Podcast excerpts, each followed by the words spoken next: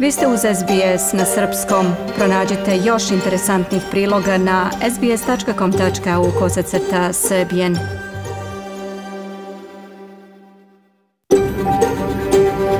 SBS, a world of difference. You're with SBS Serbian on mobile, online and on radio. Vi ste uz SBS na srpskom, na mobilnom, na internetu i na radiju. SBS odaje priznanje tradicionalnim vlasnicima zemlje sa koje danas emitujemo program na srpskom. Ovim izražavamo poštovanje prema narodu Kemrigal, pripadnicima nacije Guringaj i njihovim prošlim i sadašnjim starešinama. Takođe odajemo priznanje tradicionalnim vlasnicima zemlje i svih aboriđinskih naroda i naroda ostrva Toresovog Moreuza, na čijoj zemlji slušate naš program. Dobar dan. Danas je subota, 7. maj 2022. Ja sam Branko Cvetojević. U današnjem programu na srpskom slušat ćete Naučnici i organizacije za zaštitu ljudskih prava otpočele su kampanju za uvođenje petodnevne radne nedelje za sve zaposlene u građevinskoj industriji. Pozivi da se ovaj predlog hitno razmotri upućeni su vladama država i teritorija, a za sada je podršku dala samo vlada Novog Južnog Velsa. Opširnije o ovoj temi posle pregleda vesti. Srbija je za poslednjih 10 godina ostala bez 300.000 stanovnika, a situacija nije bolja ni u susednim zemljama. Govorit ćemo o faktorima koji su doveli do ovakve negativne demografske pojave. Pesma koja će predstavljati Srbiju na Euroviziji iduće sedmice već je uvrštena u red pesama sa najboljim tekstom – zbog čega se konstraktina numera in corpore sano našla uz pesme iz Australije, Velike Britanije, Italije, Ukrajine i Švajcarske, saznaćete ako ostanete s nama narednih sat vremena.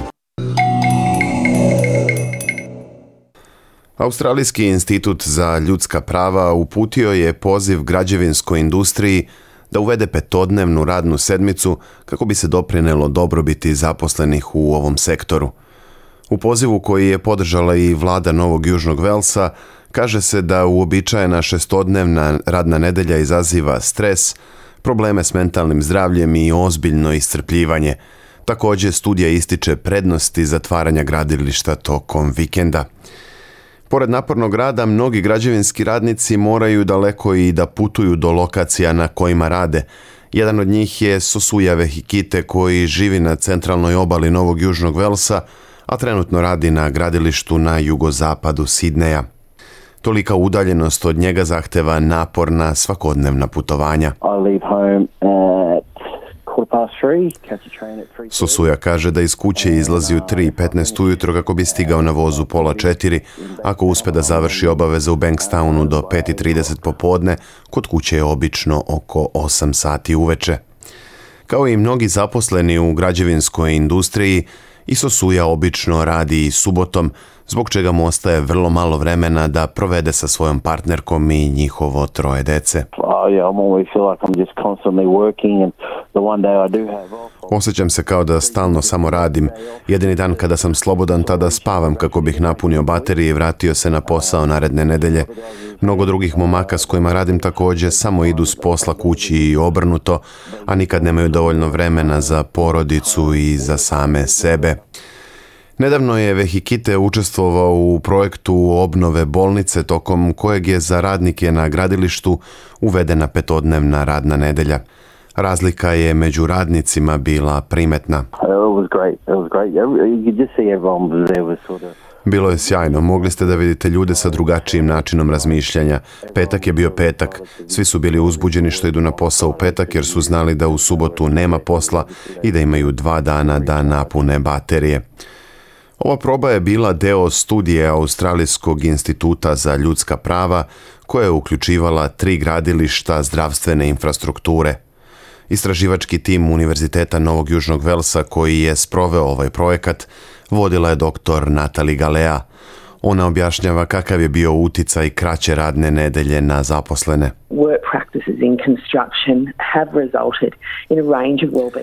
Radne prakse u građevinarstvu dovele su do niza problema za dobrobit radnika, uključujući pojačan stres, iscrpljivanje, loše mentalno zdravlje i anksioznost. U poređenju s opštom populacijom, građevinski radnici imaju veće stope fizičkih povreda i ozbiljnih poremećaja mentalnog zdravlja, uključujući samoubistva, a iz istraživanja znamo da svakog drugog dana jedan građevinski radnik u Australiji oduzme sebi život, kaže dr. Galea. Njena studija je pokazala da postoje velike prednosti petodnevne radne nedelje u građevinarstvu. Čak polovina radnika prijavila je velike promene u ravnoteži između posla i privatnog života uz povećanje zadovoljstva samim poslom, uključujući tu radno vreme, platu, sigurnost na poslu, porodicu i radne odnose. Bolnica u Konkordu bila je jedna od tri zdravstvene ustanove u koje je sproveden ovaj probni period. Jedan od radnika koji su bili uključeni u ovaj program tokom radova na bolnici u unutrašnjem zapadu Sidneja je i Nick Mamas.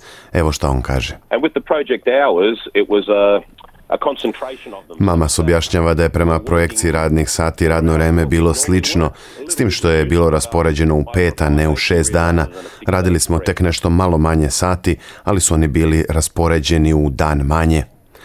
Nik Mamas kaže i da promena nije dovela do štetnih uticaja na cenu i realizaciju projekta, ali jeste donela veliku korist zaposlenima. You gained an extra 50 odd days in your leisure life. Na ovaj način dobijamo nekih 50 dodatnih slobodnih dana u godini, jer se subotom ne radi. Taj dan je dostupan da budete s porodicom, prijateljima. Mnogo se priča o ravnoteži između posla i privatnog života, ali je veoma teško postići tu ravnotežu kada radite 6 od 7 dana u nedelji. Dr. Galea i njen tim zbog toga pozivaju na šire preispitivanje radnih praksi u građevini kao jednoj od najvažnijih industrija u zemlji.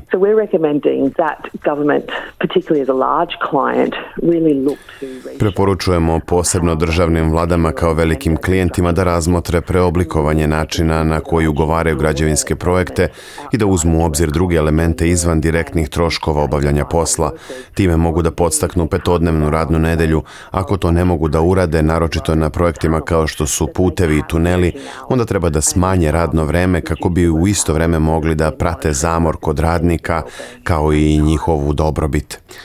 Doktor Galea kaže da radno vreme građevinskih radnika utiče i na ekonomsku sigurnost njihovih životnih partnera. Because what they told us is that they were reducing Um, Partneri građevinskih radnika su nam rekli da ako skraćuju svoje radno vreme, onda ne dobijaju šanse za unapređenje ili bolja zaposlenja, jer moraju da budu primarni staratelji dece, zato što njihov partner radi duge radne sate. Neki od njih su bili zabrinuti šta bi moglo da se desi ako dođe do problema u njihovoj vezi u smislu ekonomske bezbednosti koja bi mogla da bude dovedena u pitanje. Dave Nunan je sekretar nacionalnog građevinskog odeljenja u okviru sindikata zanatskih radnika. On kaže da mnogi sporazumi o radnim mestima koje je sindikat sklopio poslednjih godina dozvoljavaju sažimanje radnih sati u petodnevnu nedelju. Obično su velika gradilišta ta koja su otvorena u subotu i gde je veliki pritisak na radnike da rade tim danom. Prekomerno radno vreme je problem u industriji i sindikat je tokom proteklih godina pokušavao da se izbori da ljudi ne rade prekomerno, ali i dalje imamo primere da ljudi rade i po 60-70 sati nedeljno, što nije dobro. Kao veteran u građevinskoj industriji i otac petoro dece, Nik Mamas vidi ovo pitanje kao borbu za postizanje jednakosti. Because there's a lot of workplaces that are office based and they do a five day week. Imajući u vidu da je mnogo kancelarijskih radnih mesta na kojima se radi petodnevna nedelja, osjećam da smo na neki način u građevinskoj industriji postali građani drugog reda, jer je za nas norma da radimo šest sati nedeljno. Ne mogu da istrpim tu nepravednost da mi odvajamo više vremena od svojih života, a kada se osvrnemo unazad kažemo da nisam morao da žrtvujem svoje subote, imao bih mnogo više vremena za porodicu, kaže mama sa zabeležio je Geret Boram iz SBS News. Ja sam Branko Cvetojević. Ostanite uz program na srpskom jeziku. SBS na srpskom. Podelimo priče na Facebook stranici.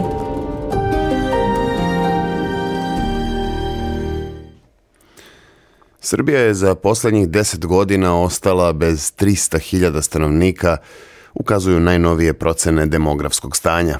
Drugim rečima, nestala su dva grada veličine Kragujevca – a podaci pokazuju da situacija nije ništa bolja ni u susednim zemljama. Čemu se pre svega pripisuje ovakva situacija i koliko ona može da se odrazi na srpsku ekonomiju, čućemo od Mije Nikolić. Mija, dobar dan. Da li postoje precizni statistički podaci o broju stanovnika u Srbiji? Biljana precizniju sliku o tome koliko e, nas danas u Srbiji ima trebalo bi da nam pruži predstojeći popis u oktobru, ali razloga za demografski optimizam prema oceni stručnjaka nema. Po poslednjem podatku Republičkog zavoda za statistiku od 1. januara 2021. godine broj stanovnika je tada bio 6.871.547, a na popisu iz 2011. bilo nas je 7.186.862. Profesorka Danica Šantić kaže da su karakteristike demografskih trendova u Srbiji izrazito nepovoljne. U uslovima više decenijskih niskih stopa rađanja koje imaju kontinuirani pad, povećane smrtnosti, posebno u doba pandemije, negativnog prirodnog priraštaja, značajnog obima iseljavanja stanovništva kao izraženog procesa staranja, mesta za optimizam nema ukazuje Šantićeva. Navodi da je trend depopulacije u Vojvodini prisutan od 89. a u centralnoj Srbiji od 92. dok je porast broja stanovnika zabeležen samo u Beogradu, a među malobrojnim mestima gde ima rasta su gradovi Novi Sad i Novi Pazar, kao i opštine Tutin, Preševo i Bujanovac. Da li se zna koliko ljudi napušta Srbiju i da li se ta komponenta unosi u statističke proračune? Statistika spoljnih migracija nema pouzdane podatke o broju osoba koje napuštaju Srbiju, te emigraciona komponenta nedostaje prilikom izvođenja bilo kakvih zaključaka o trenutnom stanju i broju stanovnika kaže Danica Šantić. Ističe da je za uspostavljanje dugoročnih trendova povećanog fertiliteta, to jest rodnosti koja sada iznosi svega 1,38 dece po jednoj ženi, kao rezultata državnih mera potrebno nekoliko decenija. S druge strane, upravljanje migracionim procesima, pre svega podsticanjem povratnih migracija i doseljavanjem strane radne snage, demografska situacija bi se mogla popraviti u znatno kraćem roku, naročito na nivou jedinica lokalnih samouprava, navodi ona i dodaje da je sadašnji ukupan fertilitet nedovoljan za prosto obnavljanje stanovnika, a prosečna starost od čak 43 godine svrstava nas u jedno od najstarijih država sveta. Mi, da li vlada Srbije ima programe kako bi se pospešio natalitet i povratak ljudi? Profesorka Šantić ocenjuje da vlada intenzivno radi na donošenju odluka kako bi pospešili povratne migracije i povećali natalitet u Srbiji. Prema njenim rečima, od 3 do 5 miliona građana Srbije živi i radi u inostranstvu. Podseća da se u martu 2020. usled pandemije u Srbiju vratilo oko 300.000 ljudi, od kojih se nisu svi odlučili za povratak u zemlje gde su radili i živeli, najčešće iz ekonomskih razloga. To su ljudi u najboljem radnom i reproduktivnom periodu, tako da oni predstavljaju potencijal koji bi ako ostane ovde imao veliki značaj za Srbiju. Ističe da je vlada usvojila strategiju ekonomskih migracija od 2021. do 2027. kojom bi se kroz niz mera obezbedili povoljni uslovi za život i podigao životni standard u zemlji i ocenjuje da su demografske mere dugoročne – Podstica i rađanja će dati rezultate za deseta godina, a RZS ukazuje da je prošlog novembra zabeleženo povećano rađanje u odnosu na novembar 2020. Navodi da je u Srbiji dalje aktuelan trend da porodice žele da imaju dvoje dece bez obzira na ekonomske uslove ili državne stimulacije, ali ukazuje da bi parovi kako bi se nadoknadili gubici iz prethodnih godina vezani za natalitet i kako bi se prekinuo taj negativni trend i dostigla nulta tačka, trebalo da imaju bar po troje dece. Da li postoji neko ozbiljno istraživanje o tome gde se ljudi iseljavaju iz Srbije i koliko njih planira da se vrati? Temom povratka naših ljudi iz rasajanja u zemlju bavilo se istraživanje nevladine organizacije Srbija 21 pod nazivom Zašto ljudi odlaze iz Srbije – Prema dobijenim podacima, najveći broj njih radi i živi u zemljama Evropske unije, a 40% ispitanika iz uzorka je nastanjeno u Nemačkoj i Austriji 23 i 16%. To istraživanje pokazuje da najveći broj onih koji su otišli 41% ipak ne planira da se vrati, ni pod kojim uslovima, a tako maho misle oni koji su u inostranstvu zaposleni za stalno. Ohrabrujuće je međutim podatak da 35% njih želi da penziju i starost provedu u Srbiji, dok 15% ne zna gde će provesti treće doba. Nešto više od tri četvrtine ispitanika kvalitet svog života u stranoj zemlji ocenjuje kao dobar, a svega 6% kao podnošljiv. Na pitanje zašto se vraćaju tek kad odu u penziju kao čest razlog navode se reči Draga Popovića, 73-godišnjaka iz okoline Požege, koji tvrdi da dok je radio kao pekar u Austriji, imao je sve što mu je trebalo, ali nije bilo ljudi. Želim da budem sa svojim narodom u starosti, tamo za 23 godine, jedva i komšiju da sam upoznao, a u svom selu znam svakoga, kaže Drago. Drugi njegovi vršnjaci koji planiraju povratak navode da u tome nema mnogo nostalgije. Vladimir Golić, inženjer koji privodi kraju radni vek u Kelnu, kaže da bi mu se sa nemačkom penzijom znatno jeftini bio život u Novom Sadu, odakle su njegovi da je strana penzija u Srbiji idealna računica. Navodi da je prosečna plata u Nemačkoj šest puta veća nego u Srbiji, a slično je i sa penzijom koja će mu biti 1200 evra, dok je ovde ona oko 250 evra. Nemali broj naših deviznih penzionera živi malo ovde, malo tamo u inostranstvu, lepše im je u rodnom kraju, ali se uglavnom leče u svom zapadnom staništu. Za svoju decu i potomke većina ipak priželjkuje da trajno ostanu u inostranstvu, jer kako naglašavaju, imaju mnogo bolje prilike za obrazovanje i posao, ali navode i bolju zdravstvenu zaštitu i uređeno društvo. A Mija, koliko bi ljudi trebalo da se vrati u zemlju da bi to imalo ekonomskog efekta, da li se zna? Marina Švabić sa Harvardskog fakulteta za državnu upravu je pre nekoliko godina u svom akademskom radu posvećenom načinima trajne repatriacije iznela sledeću računicu – Ukoliko bi se u Maticu vratilo 5000 ljudi, Srbija bi mogla da generiše 100.000 evra godišnje uz minimalna ulaganja.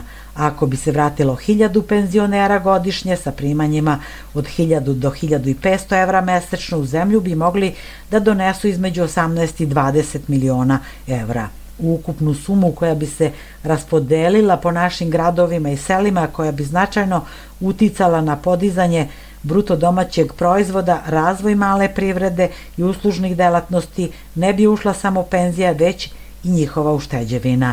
Ona bi služila i za potrošnju, rekonstrukciju, opremanje nekretnina, putovanja, medicinske usluge, a jedan deo imućenih lakše bi se odlučio i da investira u zemlju. Marina Švabić je 2017. na danima dijaspora u Beogradu sa žaljenjem konstatovala da zvanična Srbija ne preduzima nikakve značajne korake za kreiranje stimulativnog ambijenta pogodnog za povratak naših deviznih penzionera i repatrijaciju starijih ljudi u maticu.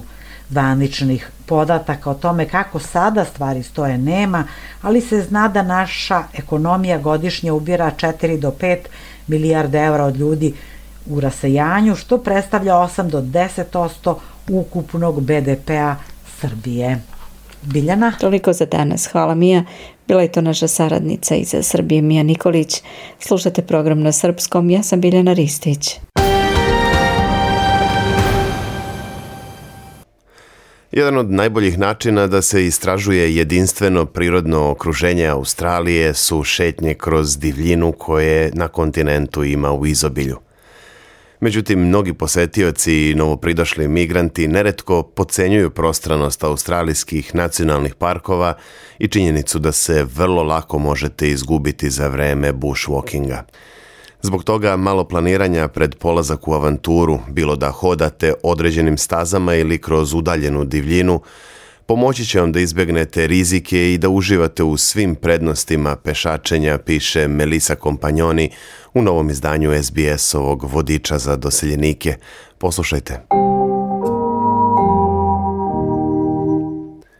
Šetnja u prirodi ili bushwalking jedna je od najpopularnijih rekreativnih aktivnosti u Australiji – ali i prednosti koje donose ove šetnje nisu ograničene samo na neverovatan pejzaž koji nas okružuje, kaže Helen Donovan, izvršna direktorka organizacije Walking South Australia. It is so very good for your health. Šetnje u prirodi su tako dobre za vaše zdravlje, doprinose fizičkoj spremnosti, uključujući kardiovaskularno zdravlje i snagu, jer stalno idete uzbrdo nizbrdo. Naravno, odlično je i za mentalno zdravlje, jer idete u šetnje s drugim ljudima, a boravak u prirodi smanjuje stres i poboljšava naše raspoloženje, kaže Donovanova. Šetnje u prirodi smatraju se za veoma niskorizičnu aktivnost. Čak i kada postoje, svi potencijalni rizici mogu se značajno smanjiti ako se potrudite da isplanirate šetnju.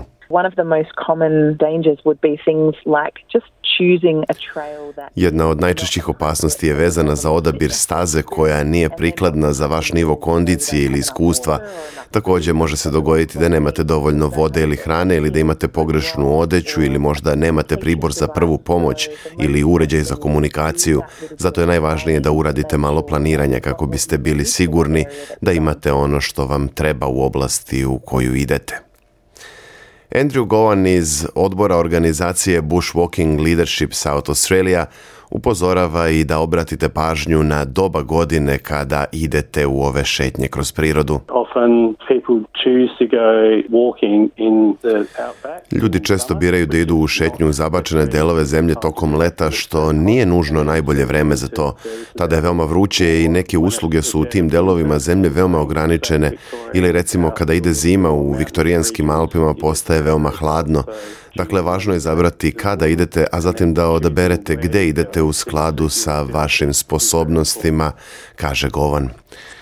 Australija ima više od 500 nacionalnih parkova koji se protežu od obale do duboke unutrašnjosti i veoma se razlikuju po veličini. Najveći nacionalni park je Kakadu koji se nalazi u severnoj teritoriji i pokriva površinu od 20.000 kvadratnih kilometara. Zato je od velikog značaja da razmislite o veličini područja koje želite da obiđete, da uvek istražite uslove i imajte na umu svoj nivo sposobnosti, kaže Andrew Govan. Postoji veliki broj online resursa koji će vam pomoći da izaberete oblasti koje ćete istražiti. Na primjer, internet sajt ozibushwalking.com pruža listu staza koje su napravili šetači za druge šetače. Ovde možete pronaći nove staze i naučiti o uslovima na stazi dodaje Govan. Kada se odlučite kuda idete, veoma je važno obavestiti bliske ljude o svojim planovima. Dakle, kuda idete, do kada ćete biti tamo i kada očekujete da ćete se vratiti. Internet sajt tripintentions.org je resurs koji omogućava da sačuvate svoje planove za pešačenje i da ih pošaljete svojim kontaktima. Takođe, kada šetate, vodite računa da nosite dovoljno vode i hrane u slučaju nepredviđenih okolnosti. Organizacije kao što su Outdoor Council of Australia i Bushwalking Leadership South Australia imaju odlične savete na svojim web stranicama o tome kako da počnete sa šetnjama. Kada idete u bushwalking imajte na umu i da se ne možete uvek osloniti na pokrivenost mobilne telefonije. U zabačenim oblastima rade samo određeni provajderi, tako da je zaista važno da znate da li vaš provajder ima signal u oblasti u koju idete. Dakle, ne možete se uvek osloniti na svoj standardni 3, 4 ili 5G telefon, kaže Goan. Ako planirate šetnju u udaljenom području od nekih nacionalnih parkova ili policijskih stanica, možete iznajmiti lični lokator. Ipak, savet Andrewa Goana je da se držite staze. Ako se izgubite, pokušajte da se vratite na stazu gde postoji veća verovatnoća da će vas neko pronaći.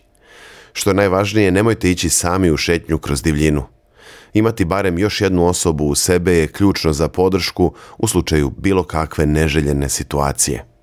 Zato je dobro razmisliti o pridruživanju i nekom od bushwalking klubova koji vam mogu dati online savete, ali u kojima ćete uvek imati sa kim da idete na pešačenje. Projekat First Hike je u zapadnoj Australiji osnovala grupa entuzijasta, volontera, koji žele da upoznaju pre svega mlade migrante sa lepotama šetnje kroz divljinu. Projekat se od tada proširio i na Melbourne, Canberra, Sydney i Brisbane. Louise Jorgensen je koordinator First Hike projekta u zapadnoj Australiji. Mi se staramo da svi naši vodiči budu iskusni i da su prošli obuku prve pomoći. Svi imaju dozvole za rad s decom jer nekada imamo osobe mlađe od 18 godina. Ideja da ih izvedemo u prirodu, da se osjećaju dobrodošli i da se uvere da su bezbedni u svakom trenutku. Ponekad idemo i u noćne šetnje, kaže Louise, a zabeležila je Melisa Kompanjoni. Bilo je to još jedno izdanje vodiča za doseljenike. Ja sam Branko Cvetojević. Ostanite uz SBS na Srpskom. SBS na Srpskom. Podelimo priče na Facebook stranici.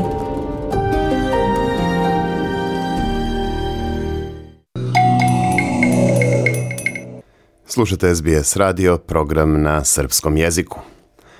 Iduće srede 11. maja počeće ovogodišnje takmičenje za pesmu Eurovizije – pesma In Corpore Sano kojom će Ana Đurić Konstrakta predstavljati Srbiju nalazi se među šest nominovanih za najbolji tekst ovogodišnjeg takmičenja po izboru portala eurostory.nl. Među nominovanima su i pesma iz Australije, Velike Britanije, Italije, Ukrajine i Švajcarske. A ko će dobiti nagradu, odlučit će zajedno žiri i publika koja može da glasa na portalu eurostory.nl. Žir je inače ocenio da je prva rečenica pesme Koja li je tajna zdrave kose Meghan Markle među onima koje se najviše pamte u istoriji pesme Eurovizije. Dodali su i to da Slezina nikad nije bila pomenuta u pesmama na Eurovizijskom takmičenju, a navode i da je ostatak teksta prilično bizaran, ali koherentan – Što se tiče samog takmičenja, organizatori pesme Eurovizije otkrili su da će vrhunac završne večeri biti nastup koji naglašava potrebu za mirom u svetu. Opširnije Biljana Ristić.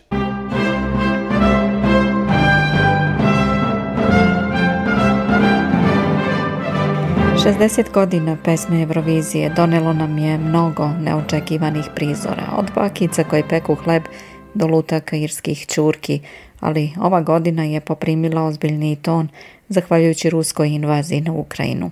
Nakon što su prvobitno rekli da bi Rusija mogla da se takmiči na ovogodišnjem festivalu, jer je Eurovizija apolitična, organizatori su se predomislili i zabranili ruskim predstavnicima nastup. Claudio Fasulo, izvršni producent takmičenja, kaže da će mir biti tema ovogodišnjeg takmičenja. Zapijte Eh, mm, As you already know, the Eurovision Song Contest is a non-political. Kao što već znate, pesma Eurovizije je nepolitički zabavni događaj koji ujedinjuje nacije i slavi različitost kroz muziku. Očigledno je da će mir biti glavna tema tri večeri. U tom smislu mogu vam odati malu tajnu. Naše poslednje veče otvorit će muzički nastup koji će, sigurni smo, izazvati burne emocije i doprineti da se priča o miru. Poruka o miru je nešto što ćemo podeliti sa svima na pesmi Eurovizije, kaže on. Iako je takmičenje za pesmu Eurovizije u prošlosti ignorisalo sukobe među konkurentnim zemljama, kao što su granični sporovi između Jermenije i Azerbejdžana i ruski napad na Krim 2008 Organizatori priznaju da su sad morali da donesu tešku odluku. Simon Morterelli je još jedan izvršni producent takmičenja. Eh, Excluding Russia from the contest was not an easy decision to take. Isključivanje Rusije iz takmičenja nije bila laka da odluka, to je donela referentna grupa takmičenja za pesmu Eurovizije, a zatim i izvršni odbor Evropske radio difuzne unije. Ali mi ćemo ipak pokušati da istaknemo vrednosti zbog kojih postoji ovo lepo takmičenje, a to su naravno mir i suzdržavanje od rata, Takmičenje se ne suočava samo sa političkim krizama u Europi. Gospođa Mortorelli kaže da je pandemija Covid-19 još uvek u velikoj meri u mislima organizatora. Quindi abbiamo l'obbligo di portare sempre la mascherina FP2 all'interno del Palaolimpico e di It will be mandatory to wear an FFP2 face mask and to keep social distancing. Biće obavezno nošenje visoko zaštitne maske za lice i držanje socijalne distance. Postavili smo i protokol za testiranje. Planiramo da uradimo 1200 COVID testova dnevno i svaka 72 sata svi će biti obavezni da se testiraju. Moramo povećati bezbednost u dvorani Pala Olimpiko kako bismo garantovali da svi učesnici mogu da nastupaju uživo. Prema rečima organizatora, pesmu Eurovizije 2021. je pratilo preko 183 miliona ljudi širom sveta. Smatra se da će jedan od favorita ove godine biti ukrajinski učesnici, članovi Kaluškog orkestra. Njihovu pesmu Stefanija Ukrajinci su usvojili kao patriotsku himnu tokom trenutne krize. Korišćena je i kao zvučni zapis za više od 150.000 TikTok video snimaka na društvenim mrežama. Orkestar Kaluša dobio je specijalnu dozvolu da putuje u Italiju nakon prvobitnog razmišljanja da će možda morati da izvedu svoju pesmu putem video linka iz bunkera u Ukrajini. U razgovoru za SBS pre odlaska u Italiju predstavnik Australije Sheldon Riley rekao je da polaže velike nade u sobstveno učešće na takmičenju. I want to win. I think it would be really amazing. I think it would really uh, Darmium came so close, so so close and uh, Želim da pobedim. Mislim da bi to bilo zaista neverovatno. Da mi im je bila tako blizu i mislim sve je moguće. Sačekajmo da vidimo. Imam mnogo nade u ono što radim, uložio sam mnogo vremena i truda, kaže on.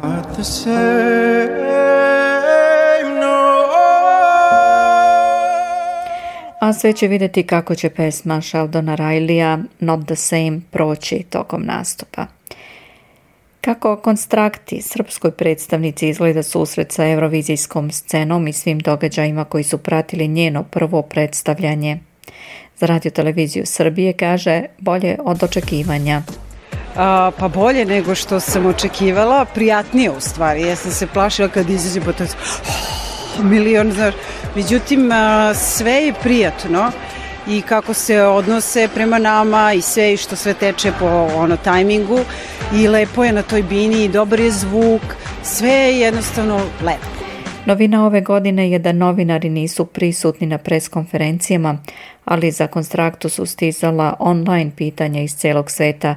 Zanimljiva, ali i još zanimljiviji odgovori prenosi Radio Televizija Srbije.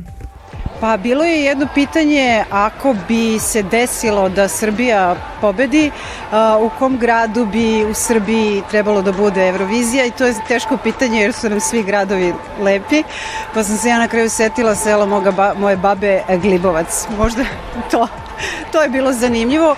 Glavno se tiču pitanja ko se Meghan Markle i zašto ja perem ruke, majku.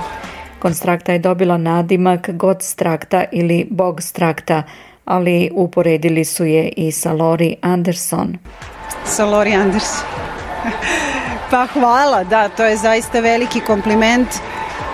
Šta da kažem, zadovoljna sam. Pre nego što su ušli u arenu, Tokom prve probe konstrakta se požalila da joj jako lupa srce. Optužila je kafu za to, ali na kraju priznala da je imala veliku tremu. Pa ja sam skrenula pažnju na kafu, ali istina je da sam se malo uzentala od svega. Ali dobro je, mislim da je negde dobro da se odradi uh, ta trema na početku, pa ja sam i za pesmu za Euroviziju prvu probu sam bila van sebe. Uh, mislim da se u onoj bubici čulo moje srce koje lupa. Jeste. Ove godine na Euroviziji nastupa 40 umetnika u dva polufinala, a pobednik će biti proglašen u finalu koji će biti prikazano na SBS televiziji u nedelju 15. maja u 19.30, piše Alan Lee za SBS News. Ja sam Biljana Ristić, slušate program na srpskom.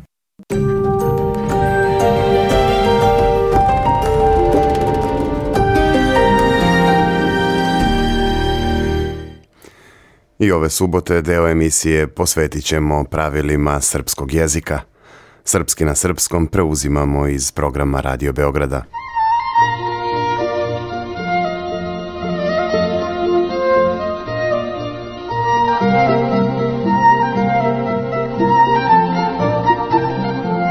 Srpski na srpskom.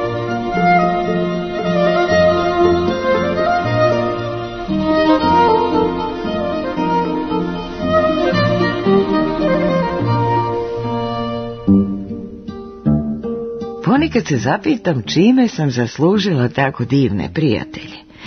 Evo, do juče niko nije znao za moju prijateljicu Stojanku. A danas, danas je najpoznatiji prevodioc ruske književnosti. Mada nekad sam mislila da to i nije tako težak posao, samo uzmeš rečnik i prevodiš. Još kad je ruski jezik u pitanju koji je tako sličan srpskom, pa to stvarno izgleda lako. Tako sam jednom htela da iznenadim Stojanku i da prevedem neki tekst, ali uopšte se nisam snašla. Onakvu frazeologiju i participe može samo Stojanka da prevede. I koliko samo čitaoca ima, neverovatno je koliko ljudi čita njene prevode. Sećam se kao da je juče bilo stalno i govorila da je to njen san. A sad bih htjela da prevede drame Leonida Andrejeva. Nisam sigurna ko je on i kakve drame pisao, ali verujem u izbor moje prijateljice. I jedva čekam da ih pročitam. Ona je takav stvaraoc da je sada već pitanje dana kada će i sama postati pisac. Srpski na srpskom. Stojanka nije stvaraoc, nego stvaralac. Imenice od glagolskih osnova koje znače vršioca radnje u nominativu jednine i genitivu množine zadržavaju l, odnosno takvi oblici će glasiti stvaralac i stvaralaca. Isti slučaj je i sa imenicama čitalac i prevodilac, genitiv glasi čitalaca i prevodilaca. Nekada su te imenice u svim padežima imale oblike sa l i glasile su u jednini, čitalac, čitalca, čitalcu, a u množini čitalci, čitalaca, čitalcima. Onog trenutka kada je počela da se primenjuje glasovna promena, prelazak L u O, svako L na kraju reči i sloga prešlo je u O. Ali u onim padežima u kojima L nije bilo na kraju sloga, već na njegovom početku, ono se tamo i zadržalo. A ti padeži su nominativ jednine, čitalac, stvaralac, gledalac i genitiv množine čitalaca, stvaralaca, gledalaca. U padežima u kojima je L bilo na kraju sloga, prešlo je u O i tu se ređe greši u promeni. Muzika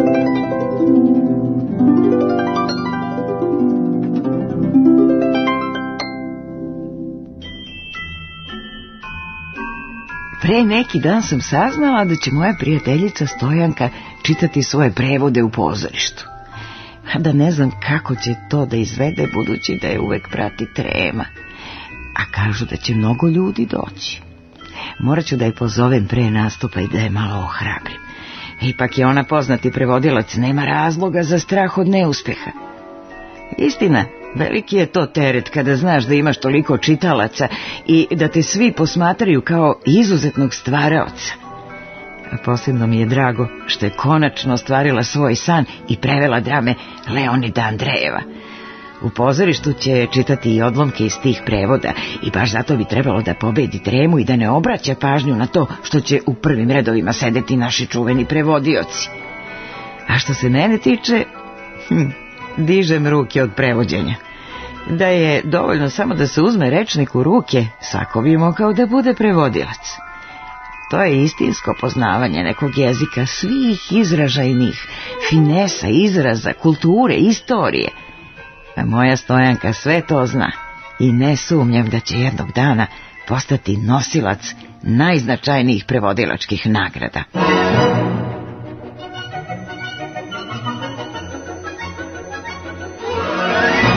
Srpski na srpskom pripremili i realizovali glumica Jadranka Selec, autor teksta Jovana Zgonjanin, organizator Milena Borčanin, majstor tona Dejan Vasović i urednik emisije Mirjana Blažić. Bilo bi to sve od nas za ovu subotu, 7. maj. Sledeća emisija na srpskom jeziku je u ponedeljak 9. maja od 15 časova. Podsjećam vas do tada da sve naše sadržaje možete slušati na našem sajtu sbs.com.au crta svebijen. Ovog popodneva sa vama Branko Cvetojević. Želim vam prijatan vikend i do slušanja.